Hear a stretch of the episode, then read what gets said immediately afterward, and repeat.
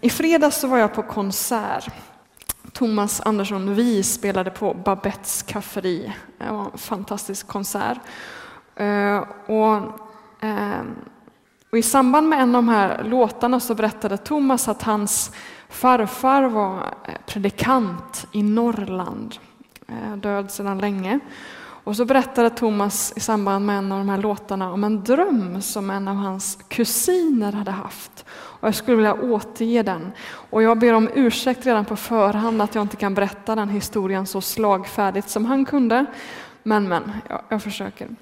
Den här kusinen hade drömt att han var på återbesök i någon av de här församlingarna i Norrland som hans eh, morfar eller farfar hade grundat. Och så var de eh, besökte en, de hade en måltid i ett av de här norrländska kapellen. Hela församlingen var med och hans, den här predikanten som var död sedan länge, och det är ju, det är ju så med drömmar, de är ju konstiga. Han satt med där. Eh, och det är trevligt. Och sen så tar den här predikanten upp en flaska sprit och ställer på bordet. Och det blir helt tyst i det här kapellet och alla tittar, vad är det här? Och så är det någon tant som till slut säger, men har du fallit under spriten? Och så svarar den här predikanten, jag är död så jag får göra som jag vill. Och det där skulle jag vilja knyta an till i den här predikan. Att det inte stämmer. När man är död så får man inte alls göra som man vill. Det är temat för den här gudstjänsten. Temat för gudstjänsterna i april eh, är ju dopet. Eh, och dopet beskrivs ju i Bibeln som en begravning, som en död. Eh, det är därför det heter dopgrav. Man begravs. Så när man, I dopet så dör man, man begraver sitt gamla liv och så uppstår man till ett nytt liv. Så här säger Paulus i Romarbrevet 6. Eh, vers 3. Vet ni då inte att alla vi som döpts in i Kristus Jesus också har blivit döpta in i hans död? Genom dopet har vi alltså dött och blivit begravda med honom för att också vi ska leva i ett nytt liv så som Kristus uppväcktes från de döda genom Faderns härlighet. Den som är döpt är död. Man är begraven och man har uppstått till ett nytt liv. Och då är frågan, vad består det där nya livet av? Är det bara så att dopet är ett slags reningsbad? Man liksom drar ett streck över det gamla och så börjar man någonting nytt, ungefär som man börjar på ett nytt jobb eller en ny skola eller byter ort. Nej, Paulus verkar mena att det liv som man uppstår till efter dopet, det är det himmelska livet. Det är himlen redan här och nu. Det är en försmak av den framtida uppståndelsen. Ehm, himlen, det är ingenting som startar när vi fysiskt dör, utan det är någonting som startar när vi kliver upp ur dopgraven. Det menar faktiskt Paulus, att vi uppstår till ett helt nytt liv, ett himmelskt liv. Paulus menar, och du märker det om du läser ditt nya testamente noggrant, att vi kristna lever i en slags, ett slags mellantillstånd. De döpta lever i ett slags mellantillstånd. Vi lever mellan den gamla tidsåldern, det gamla livet, och den nya tidsåldern, det vi slarvigt ibland kallar för himlen. Eh, men det här är egentligen två olika tidsåldrar, två olika sfärer som nu liksom lever parallellt med varandra. Ehm, och de döpta bor i den gamla världen, i den gamla tidsåldern, men tillhör den nya tidsåldern det nya riket, himlen. Ehm, vi bor i världen, men vi tillhör inte världen. Och vi är kallade att leva det där nya livet, det himmelska livet här och nu. Att praktisera himlen här och nu. Eh, och därför kan man inte säga som den här predikanten i drömmen, att jag är död, jag får göra som jag vill. Eh, för den som är död ska inte göra vad han eller hon vill, utan som man gör i himlen. Och det gäller både den som är fysiskt död och den som är död i dopgraven. då måste man leva efter himlens etik. Det finns bara ett enda alternativ, bara en enda etik och det är himlens etik. Ibland när vi har pratat om etik och moral så har vi ofta pratat om det som ett slags underlag för om man får komma till himlen eller inte. Alltså den som har levt gott och rättfärdigt. Liksom. Om man är snäll så kommer man till himlen. Eh, men, men himlen är ingen plats man kommer till efter döden om man varit snäll. Det är en väldigt konstig teologi. Eh, himlen, det är Guds rike som existerar hos Gud vid hans tron just nu. Eh, och som ska bli en verklighet här på jorden, på det här jordklotet, här på den här platsen ska himlen landa och bli en verklighet.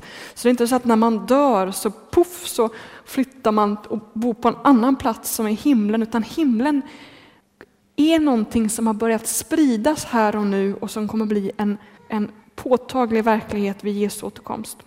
Eh, och himlen är ingenting som man får del av för att man levt rätt moraliskt. Utan himlen det är någonting man får som gåva i dopet. Så det här med moral och etik, det är snarare någonting som blir aktuellt efter dopet, inte före dopet. Eller som blir, som blir aktuellt när man väl har fått den där himlen i, i sitt liv. När väl himlen har landat i mig, då blir det aktuellt att börja prata om vad som är rätt och fel. Och jag vet att jag nog har tappat bort hälften av er nu här i åhörskaran, för jag vet att för många är det någonting nytt. För vi är så vana att tänka på det här med himlen som en, ett land någon annanstans där borta som man kommer till när man dör. Men den, den läran hittar vi inte i Bibeln. Det är någonting som vi har fått del av genom medeltida populärkultur och som fortfarande finns ibland oss. Himlen kommer man inte till när man dör. Himlen är en plats som kommer hit genom dopet och genom Jesu återkomst. Låt oss gå till Kolosserbrevet för att ni ska tro vad jag säger nu, att inte jag hittat på det här själv. Ehm, I Kolosserbrevet det finns massa fantastiska verser där som vi inte hinner läsa nu. Men Paulus börjar prata om dopet redan i kapitel 2 Eh, och jag bara snabbt sammanfattar det, sen ska vi eh, läsa ur kapitel 3. Men i kapitel 2 så liknar Paulus dopet vid en slags omskärelse. Omskärelse i Bibeln är ju ett förbundstecken som judiska män fick ta emot. Eh, som en slags vigselring kan man säga. Alltså vigselringen är ju ett förbundstecken, ett tecken på att man har ingått i ett förbund som man, som man ska försöka vara trogen. Eh, och så säger Paulus att dopet är ett sånt, en sån omskärelse, ett sånt förbundstecken. Eh, och sen fortsätter han i kapitel 2 att prata om skillnaden mellan att leva i det här nya dopförbundet och att leva med de judiska renhetslagarna, men det hoppar vi över och så kommer vi in i kapitel 3. Vi läser lite, några stycken i taget, så vi börjar med de första fyra verserna. Och nu, nu håller han på att prata om dopet alltså. Det förstår man om man läser kapitel 2. Eh, och då pratar han om det här livet som man uppstår till efter dopet. Så står det så här, och nu pratar han ju till de döpta. Om ni alltså uppstått med Kristus, vilket de ju har gjort när de klivit upp ur dopgraven. Sträva då efter det som finns där uppe, där Kristus sitter på, högra, på Guds högra sida. Tänk på det som finns där uppe, inte på det som finns på jorden. Ni har ju dött och ni lever ett osynligt liv tillsammans med Kristus hos Gud. Men när Kristus träder fram, han som är ditt liv, då ska också ni träda fram i härlighet tillsammans med honom. Vad är det Paulus säger här? jo, den som har döpt, den som är döpt har uppstått med Kristus. En försmak av den här himlen. Eh, och den ska sträva efter det som finns i himlen. Och var finns himlen? Jo, vid Guds högra sida. Där finns hans rike. Och den rättvisa som finns där hos Gud, detta rike, eh, det ska vi leva efter. Den godheten som finns där ska vi leva efter, den kärlek som finns där ska vi leva efter. Eh, vi ska leva efter himlens sätt att leva, inte efter världens sätt att leva. Eh, så när vi pratar om vad som är rätt och fel, och moral och etik, eh, så går vi vilse om vi just bara pratar rätt och fel, om vad som är synd och inte synd. Utan en fråga som vi måste också tänka in är, vad är himmelskt? Alltså tänk på det som finns där uppe, sträva efter det. Så våra etiska diskussioner får inte bara handla om vad är synd och inte synd och vad är rätt och fel, utan vad är vårt mål? Det himmelska, den etiken, den kallelsen, det som finns hos Kristus, det där nya livet. Det ska vi, det ska vi försöka leva ut. Ta frågan till exempel om våld och krig. Ehm, och där blir det så tydligt att vi går vilse om vi bara pratar rätt och fel. För om vi pratar om rätt och fel, vad som är synd och inte synd, då kommer kristna fram till olika svar på den frågan. En del säger nej, man kan inte alls vara soldat om man är kristen. Och en del säger jo, det går jättebra, det är ingen synd. Och det är svårt, för texterna går lite olika och, och ja, det, det, är en klurig fråga. Eh, men baptister, som ju har haft dopet som en central grej, har inte riktigt resonerat på det sättet när man pratat om våld och krig. Alltså man har inte ställt frågan vad är rätt och vad är fel? Alltså vad är synd och inte synd?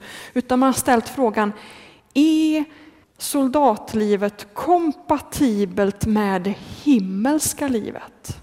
Det är en viktig fråga att ställa. Är det kompatibelt med det himmelska livet? Guds rike? Passar det ihop?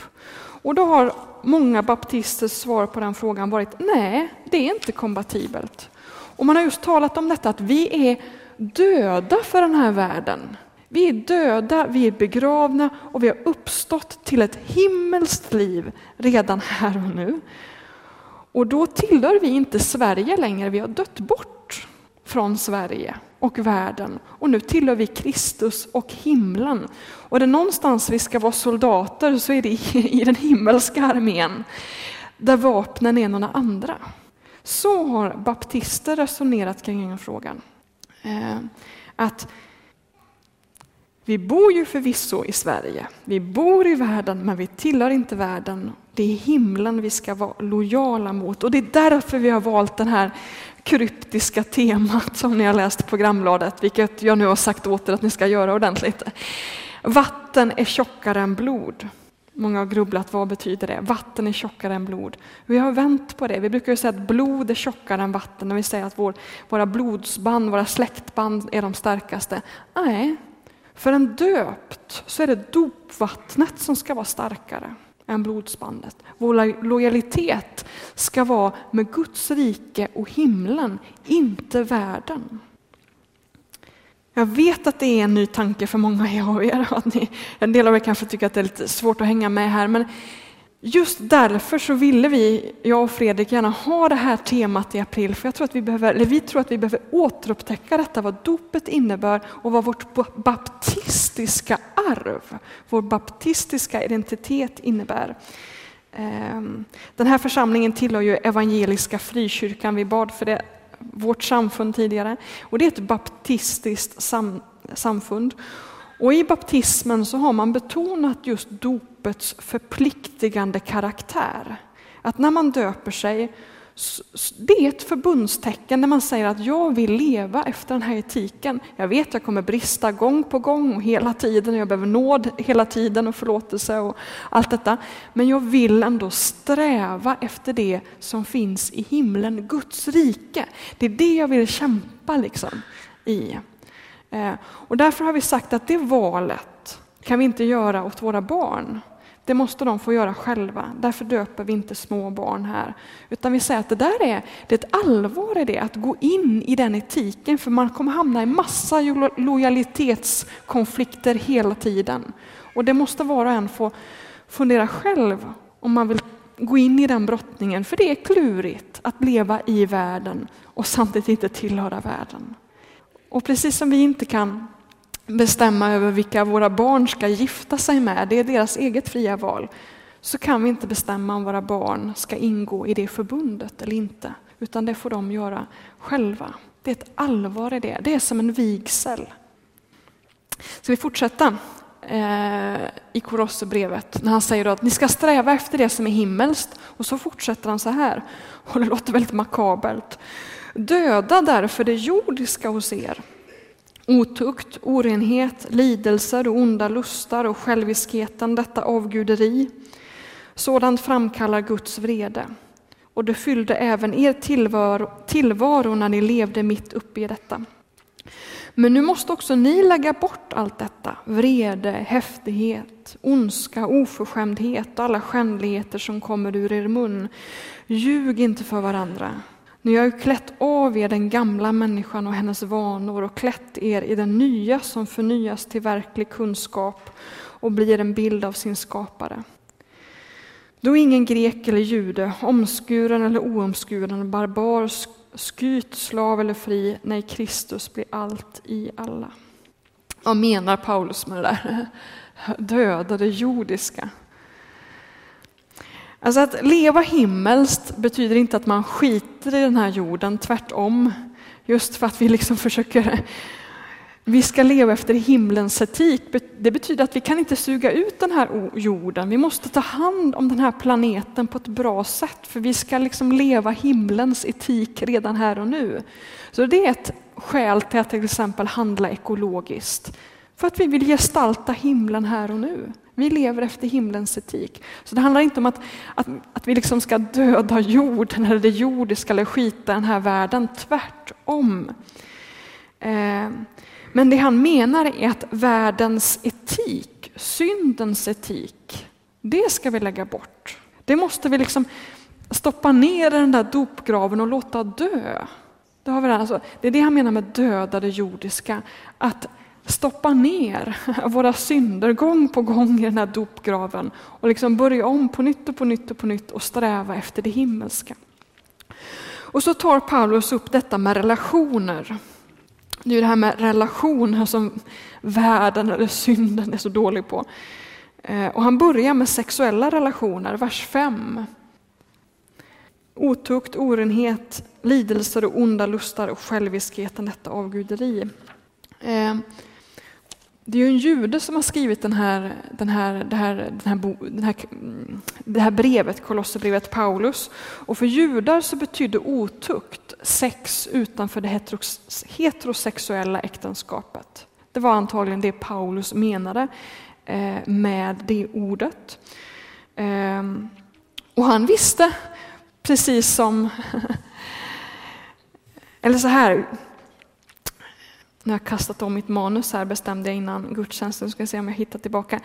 Jo, det Paulus försökte undervisa var ju, ja men sträva efter det himmelska, sträva efter att vara trogna i era relationer. Var trogna, fly undan otukten. Och det var radikalt på Paulus tid, kanske inte i Israel men i romarriket eller i Kolosse.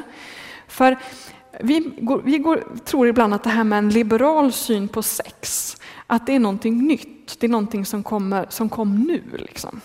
Eh, men, men den synen på sex som finns idag fanns i romarriket också.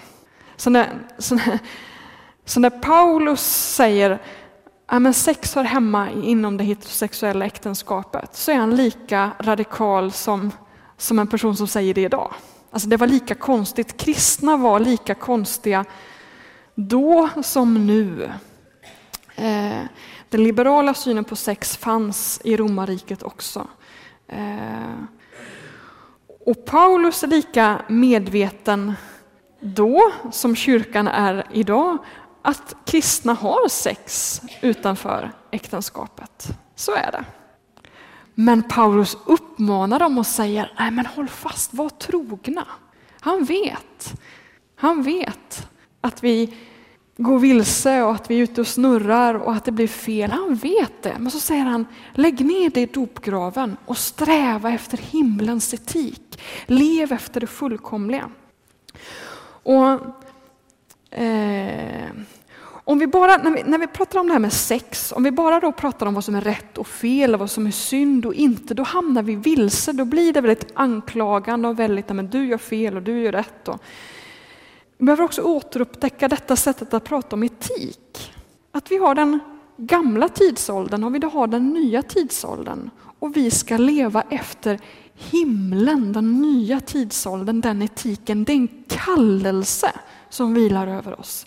Vi har en kallelse att gestalta trohet. Det är vad Paulus säger, alltså sträva efter det som finns i himlen. Han säger inte att den som, som faller på det här området kommer till helvetet, det är inte det han säger, utan han säger lägg bort och sträva efter det här. Förstår ni vad jag säger? Alltså när vi har pratat om etik och moral så har det bara blivit ett slags underlag för frälsningen eller om man kommer till himlen eller inte. Men för Paulus så handlar ett etik och moral om vad har vi för kallelse nu när vi tillhör himlen? Nu när vi tillhör himlen, hur ska vi leva då? Låt oss gå vidare i texten, eh, vers 8-9 där. Så fortsätter han detta med andra relationer som man ser som lika viktiga. Alltså, eh, det här blir de sista verserna vi läser. Om du fortsätter att läsa i Kolosserbrevet så kommer du märka att han använder den här metaforen av kläder. Dopet är som att man tar av sig gamla kläder och så tar man på sig nya kläder. Eh, och nu hinner vi bara läsa om de kläderna man ska ta av sig. Eh, man säger Lägg bort allt detta vrede, häftighet, ondska, oförskämdhet, tycker jag. Det är viktigt det där. Och alla skändligheter som kommer ur er mun. Ljug inte för varandra. Eh, ni har ju klätt av er den gamla människan och hennes vanor. Märk det, vanor. Och klätt er i den nya som förnyas till verklig kunskap och blir en bild av sin skapare. Vi ska lägga bort den gamla världens sätt att leva där det är okej okay att vara oförskämd, att vara elak, att vara otrogen. Vi ska lägga bort det. Och ska vi ta på oss Jesu vanor, Jesu sätt att leva. För i dopet har vi ju förenats med honom. Vi har förenats med honom. Och det vilar en kallelse över den som är döpt att bli det man redan är. Kristuslik. Kristus finns i oss och vi ska klä på oss hans vanor och bli som honom. Så som döpt tillhör man inte längre världen utan man ska lägga ner det världsliga. Den här världens sätt att leva och ta på sig himlens etik. Sträva efter det.